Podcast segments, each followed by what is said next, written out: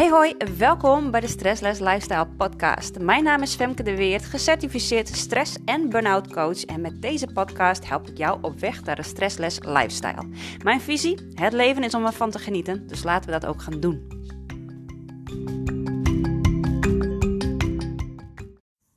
Hey hoi en welkom bij weer eens even een aflevering van de Stressless Lifestyle podcast. Want dat is alweer een tijdje geleden dat ik een podcast heb opgenomen. En uh, ja, daar zit natuurlijk wel een reden achter. Um, ik, uh, nou ja, weet je, het, de maand februari, januari, februari, ik merkte dat ik echt heel veel tijd voor mezelf nodig had om gewoon bepaalde dingen voor mezelf uit te vinden, uit te dokteren. En dan, uh, ja, dan is stilte en rust gewoon nodig. Dus ik heb ook heel veel stilte en rust genomen. Ik heb eind januari ook twee weken lang een infodetox gedaan. Een detox waarin ik uh, uh, nou ja, helemaal geen nieuws heb geluisterd, geen social media heb gehad, geen kranten, geen tijdschriften, geen boeken, geen series, uh, eigenlijk helemaal niks. En dat was, ja, was eigenlijk ook broodnodig om gewoon weer in contact te komen met mezelf, met wie ik ben, met waar ik, nou ja, waarvoor ik uh, ja, hier ook op deze aarde ben. En uh, dat wordt dan ook allemaal wel uh, duidelijk. En dan komen er in één keer ook allemaal weer inspiratie, dingen naar binnen. En dat begint dan weer te stromen, gewoon omdat je, nou, omdat ik even geen afleiding had van alles wat extern is en extern was. Hè, het consumeren van, van nou ja, social media en, en, en nieuwsdingen, ja, dat is gewoon ook een afleidingspunt. Hè? Dus hoe meer informatie dat je eigenlijk verzamelt, hoe meer informatie dat je in je opneemt, hoe minder ruimte je eigenlijk ook overhoudt voor je eigen gedachten en je eigen verlangens en je eigen nou ja, je, eigen, je eigen zijn. En we worden natuurlijk continu door de omgeving beïnvloed over nou ja, wie we zijn, wat we horen te doen, wat we zouden moeten doen, hoe het leven eruit hoort te zien, enzovoort, enzovoort. En uh, ja, dat, dat is wel iets, hè, dat is wel een, een onderdeel wat gewoon heel veel invloed op ons heeft, waardoor we ook nou, veel al gaan handelen naar uh, dat narratief wat, wat, wat ons voorgespiegeld wordt in media of op social media. En een van de dingen die ik daar heel veel in tegenkom is dat je, dat je gelukkig moet zijn. Hè? Dat je blij moet zijn, dat je een fijn leven moet hebben. En de mensen die, uh, die delen op, op social media, nou ja, dat zijn toch ook vaak de leuke dingen die je dan deelt. Hè? De leuke dingen die je meemaakt, de leuke dingen die je doet. Uh, ja, dat, uh, dat zijn toch de dingen die we het liefste delen. En de moeilijke periodes, die laten we vaak achterwege. En dat is ook iets wat ik zelf doe. Op het moment dat ik wat minder goed in mijn vel zit, dan uh, zie je mij ook een stuk minder op social media. Toch probeer ik wel die stukken ook meer te posten, daar meer over te vertellen. hey, wat doet dat dan eigenlijk met mij en uh, ja, hoe ga ik daar ook mee om? Want dat is natuurlijk wel een belangrijk punt. En uh, ondertussen gingen natuurlijk echt wel gewoon mijn werkzaamheden door. Ja, mijn werk in gezinsondersteuning, maar ook mijn eigen praktijk ging gewoon door als eh, stress- en burn-out coach. En ik heb weer een hele mooie, lieve, leuke klant uh, mogen ontvangen. En uh, ja, daar ben ik nu een één op één traject mee aan het doen. En dat gaat gewoon fantastisch. Die maakt zulke mooie stappen. En al mijn klanten zijn gewoon uh, super leuk. Ik ben ook ontzettend blij dat ik met deze prachtig mooie mensen mag werken. En ja, dat, dat geeft dan ook weer nou ja, tijd om daar eens even over na te denken van hé, hey, wat is dan nou eigenlijk de kern van de problematiek van mijn klanten? Wat is nou eigenlijk werkelijk het probleem? En als ik mijn klanten dan zo hoor praten, dan is over het algemeen het probleem dat ze zich veel te veel associëren met dat wat ze doen in plaats van met wie ze werkelijk zijn dus het stukje falen komt uh, vaak om de hoek, of het stukje kwetsbaar zijn. En uh, het stukje falen komt dan vooral uit dat ze niet meer kunnen doen wat ze altijd deden. En dat is een heel herkenbaar proces voor mij natuurlijk. Want ik heb dat zelf, uh, in 2016 ben ik dat ook doorgegaan. En het feit dat ik dan niet meer kon werken, dat was voor mij al een heel ja, een heel diep proces om me daarvan los te weken. Dat was best een heel intens en heel moeilijk proces. Ik was ook iemand die mij heel erg vasthield aan de dingen die ik presteerde en de dingen die ik deed, in plaats van dat ik ging waarderen ja, wie ik eigenlijk in werkelijkheid ben. En als we onszelf gaan waarderen voor wie we zijn, dan hoeven we ook veel minder hard te werken en veel minder dingen te doen om te bewijzen dat we het kunnen. En dat we het ook waard zijn om bepaalde dingen te kunnen ontvangen. Hè? Bijvoorbeeld een, een, een hoger salaris of uh, nou ja, meer, uh, meer, uh, meer, meer goede voorwaarden die werk met zich mee kunnen, nemen, mee kunnen brengen. Dus het gaat er dan ook om dat we veel minder bezig zijn met de dingen die we doen, maar dat we meer waardering voor onszelf, maar ook naar de ander kunnen uitspreken over, ja, wie zijn we dan eigenlijk? En weet je, dat merk ik gewoon ook in de relaties die ik heb, ook in de relatie met mijn man. Um, ja, dat, dat ik dan toch ook snel kijk naar wat hij doet en dat ik ook veel meer mag kijken naar wie hij werkelijk is. En wie hij is als persoon. En dat is gewoon een proces wat ik, wat ik op dit moment ook doorga. Dat ik ook steeds dieper in het stukje stap. Dat ik, dat ik ook naar mezelf veel meer mag kijken. Van hé, hey, wat, um, hè, wie ben ik dan nou eigenlijk? En wat wil ik voor deze wereld? En uh, ja, hoe, hoe wil ik dat mijn leven er eigenlijk uitziet? En iedere keer komt dat vraagstuk gewoon op een andere manier en in een ander niveau komt dat weer terug. Want ik heb natuurlijk, als ik gewoon terugkijk, al heel veel mooie stappen gemaakt in het aanvaarden van wie ik ben. Um, hè, zo heb ik bijvoorbeeld kunnen aanvaarden dat ik gewoon niet iemand ben die um, uh, nou, heel flexibel is. Uh, ik, uh, ik kan het liefst mijn eigen plan trekken en dan daar ook aan houden. En, en dan, ja, weet je, dat werkt voor mij allemaal het beste. En natuurlijk weet ik ook op het moment dat ik, hoe meer ontspannen dat ik ben, hoe beter en hoe meer flexibel ik ook ben. Dus op het moment dat ik stress ga ervaren, word ik gewoon minder flexibel. En dat zijn voor mij wel signalen. Dus ik kan mijn leven daar nu gewoon op aanpassen. Van hé, hey, wat ga ik dan anders doen? Dus zo nu en dan, dan zeg ik ook gewoon een werkdienst af. Dat ik zeg van nou, ik uh, stel kaders aan de uren die ik werk. Uh, want ja, ik ben natuurlijk niet alleen aan het werk. Ik ben ook uh, moeder. Ik heb ook een gezin. En dat is gewoon ook werk.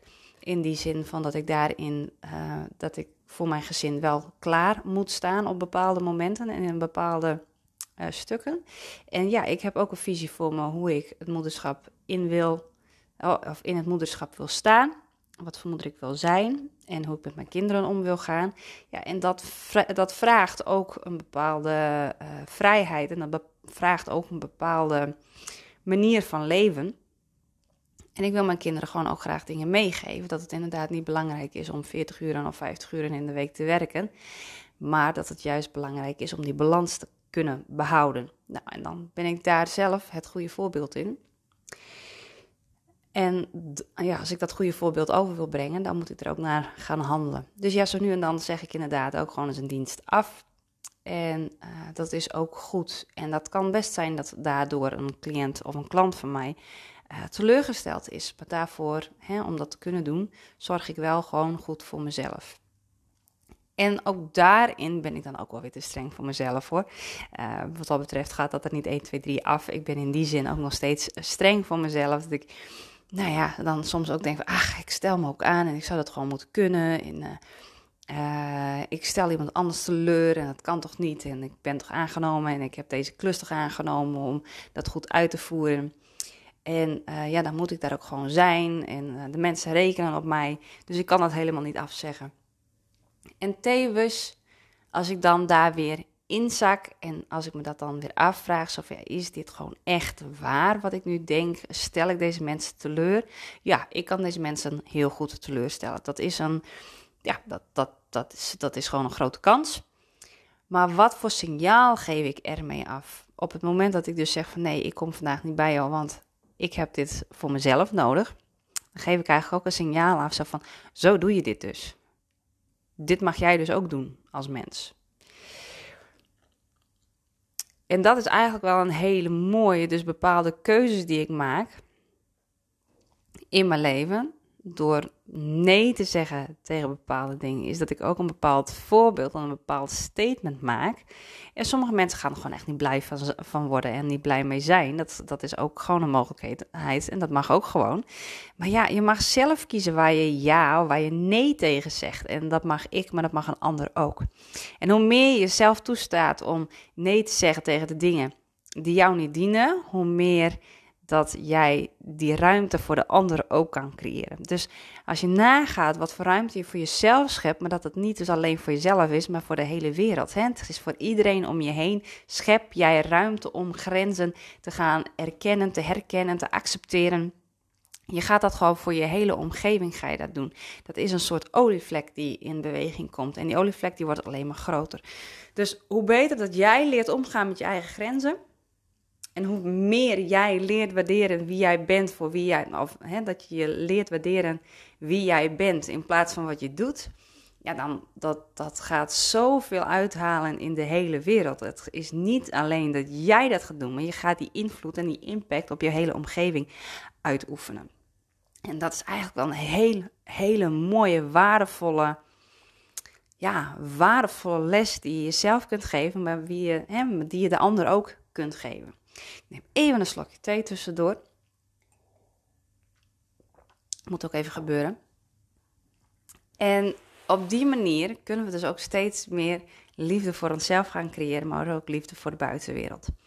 Dus in plaats van dat we echt ons bezig gaan houden met wat we aan het doen zijn, misschien kunnen we eens over achterover gaan hangen en eens een lijstje gaan maken. Zo van, hé, hey, wat voor karaktereigenschappen en wat voor ideeën, wat voor filosofieën, wat voor waarden, wat voor normen die jij hanteert, wat, wat waardeer je daar nou eigenlijk in? En ook als je jezelf in de spiegel aankijkt, kijk eens naar jezelf en kijk eens naar je lichaam of naar je gezicht. Of, uh, en, en kijk eens van wat waardeer je nou eigenlijk aan jezelf?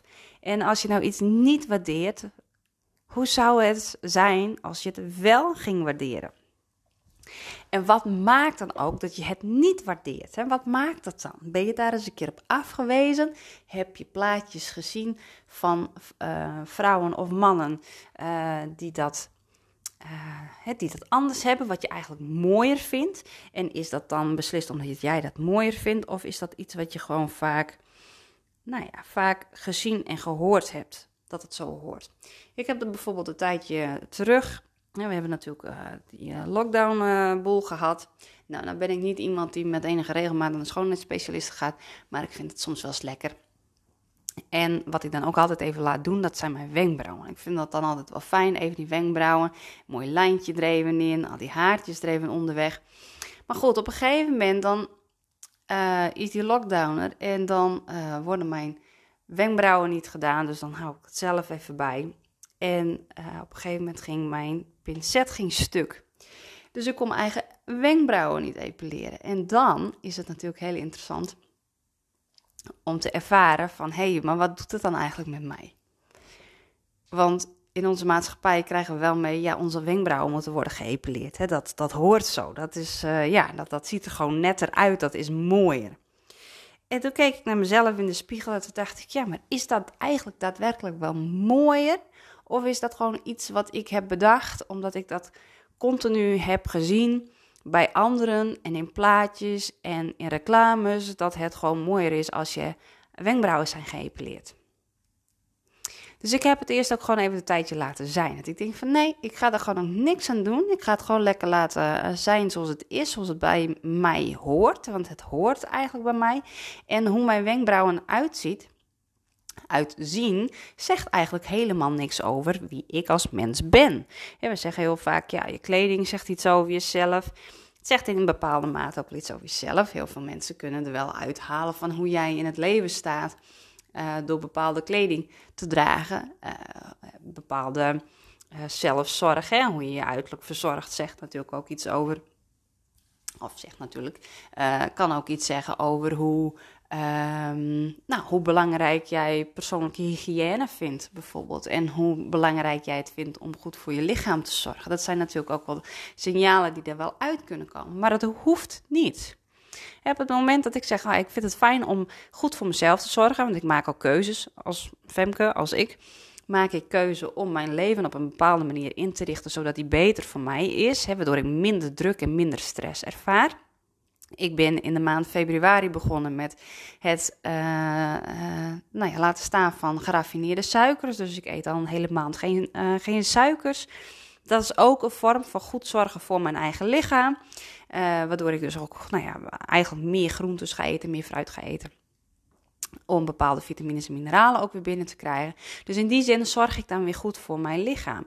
Uh, dus het feit dat mijn wenkbrauwen dan niet uh, een onderhoudsbeurtje hebben gehad, zegt niks over het feit of ik goed voor mezelf zorg of niet. Dat zou iemand anders misschien zo kunnen interpreteren. Uh, maar dat zegt daar natuurlijk eigenlijk helemaal niks over. En het zegt ook niks over wie ik ben als mens in mijn karakter. Het zegt niet of ik een aardig mens ben of, uh, of niet, of dat ik een spontaan mens ben of niet. Het zegt er eigenlijk helemaal niks over. En wat ik heel graag wil, dat wij met z'n allen meer gaan leren, en daar ben ik zelf ook een onderdeel van, want ik ben dat groeiproces ook echt nog niet uit, is dat we meer gaan kijken van, hé, hey, wat, wat, ja, wie zijn wij? Hoe staan we in het leven? Wat vinden we fijn aan het leven? Om ook te kunnen delen met andere mensen. En dan is het niet zozeer in hoe we het doen. Hè? Maar wat we doen is, dat maken we gewoon superieur aan, aan wie we zijn. Als iemand vraagt van, hey, wie ben je nou eigenlijk? Dan zeggen we ook al vrij snel dat we ons werk zijn. Dat we, uh, hè, ik, ik, ik ben stress- en burn-out coach, wordt er dan al snel gezegd. Nee, ik werk als stress- en burn-out coach. Mijn werk zegt niks over wie ik als mens ben. Het zegt wel een beetje over hoe ik in het leven sta, maar het zegt niks over of ik wel of geen goed mens ben. Um, weet je, en, en dat zijn met heel veel dingen is dat zo. Ook mensen die verkeerde keuzes in het leven hebben gemaakt. Ik bedoel, het kan best zijn dat iemand iets steelt het feit dat iemand iets steelt, dat kunnen we, uh, ja, dat kunnen we natuurlijk zeggen van nou, dat is niet goed om dat te doen. En daar ben ik het ook wel mee eens. Stelen is niet iets wat, wat je zou moeten doen. Um, het is ook strafbaar en ik vind het goed dat het strafbaar is.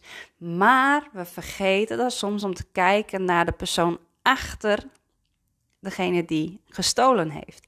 We vergeten dan om te kijken dat het ook een mens is die gestolen heeft. Een mens met normen en waarden, uh, mens met ervaringen, met een geschiedenis.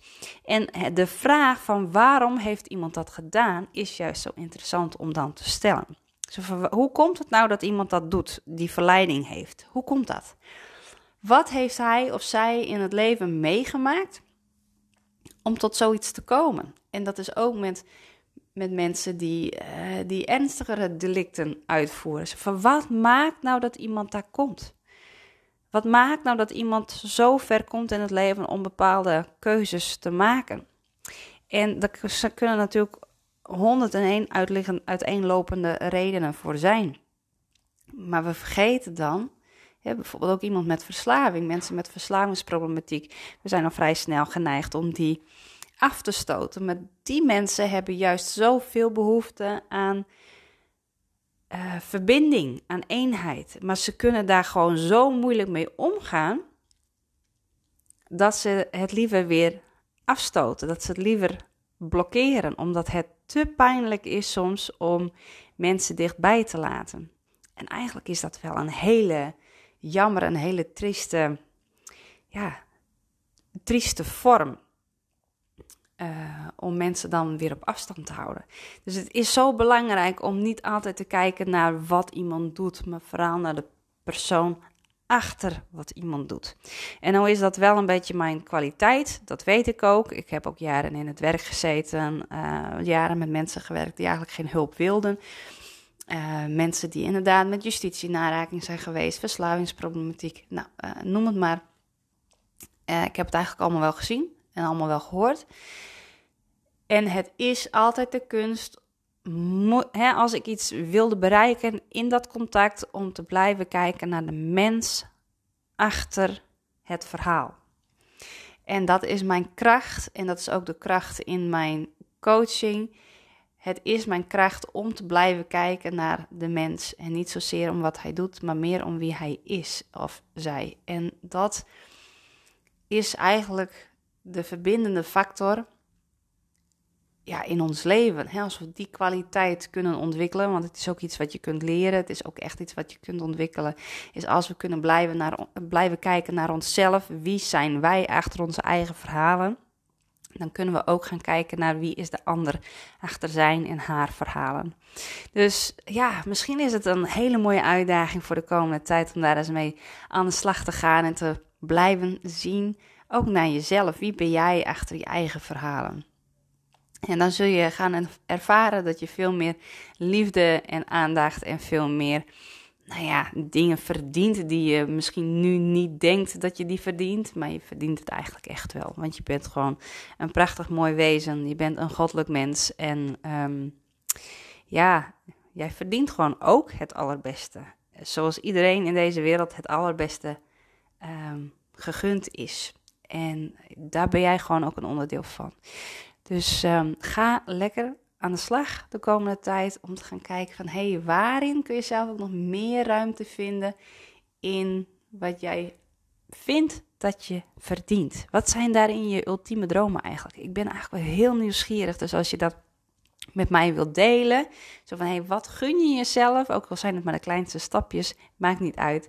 Als je de behoefte voelt om met mij dat te delen, dan uh, nou, weer waardeer ik dat ten zeerste.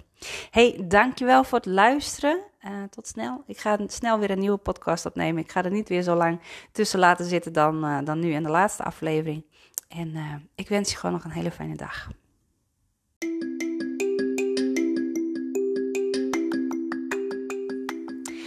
Top dat je de tijd hebt genomen om te luisteren. Vind je deze podcast waardevol? Deel hem dan op je socials en tag mij. Ik vind het natuurlijk superleuk om te weten wie er luisteren. En jij helpt anderen ook om te kunnen genieten van een stressless lifestyle. See you soon!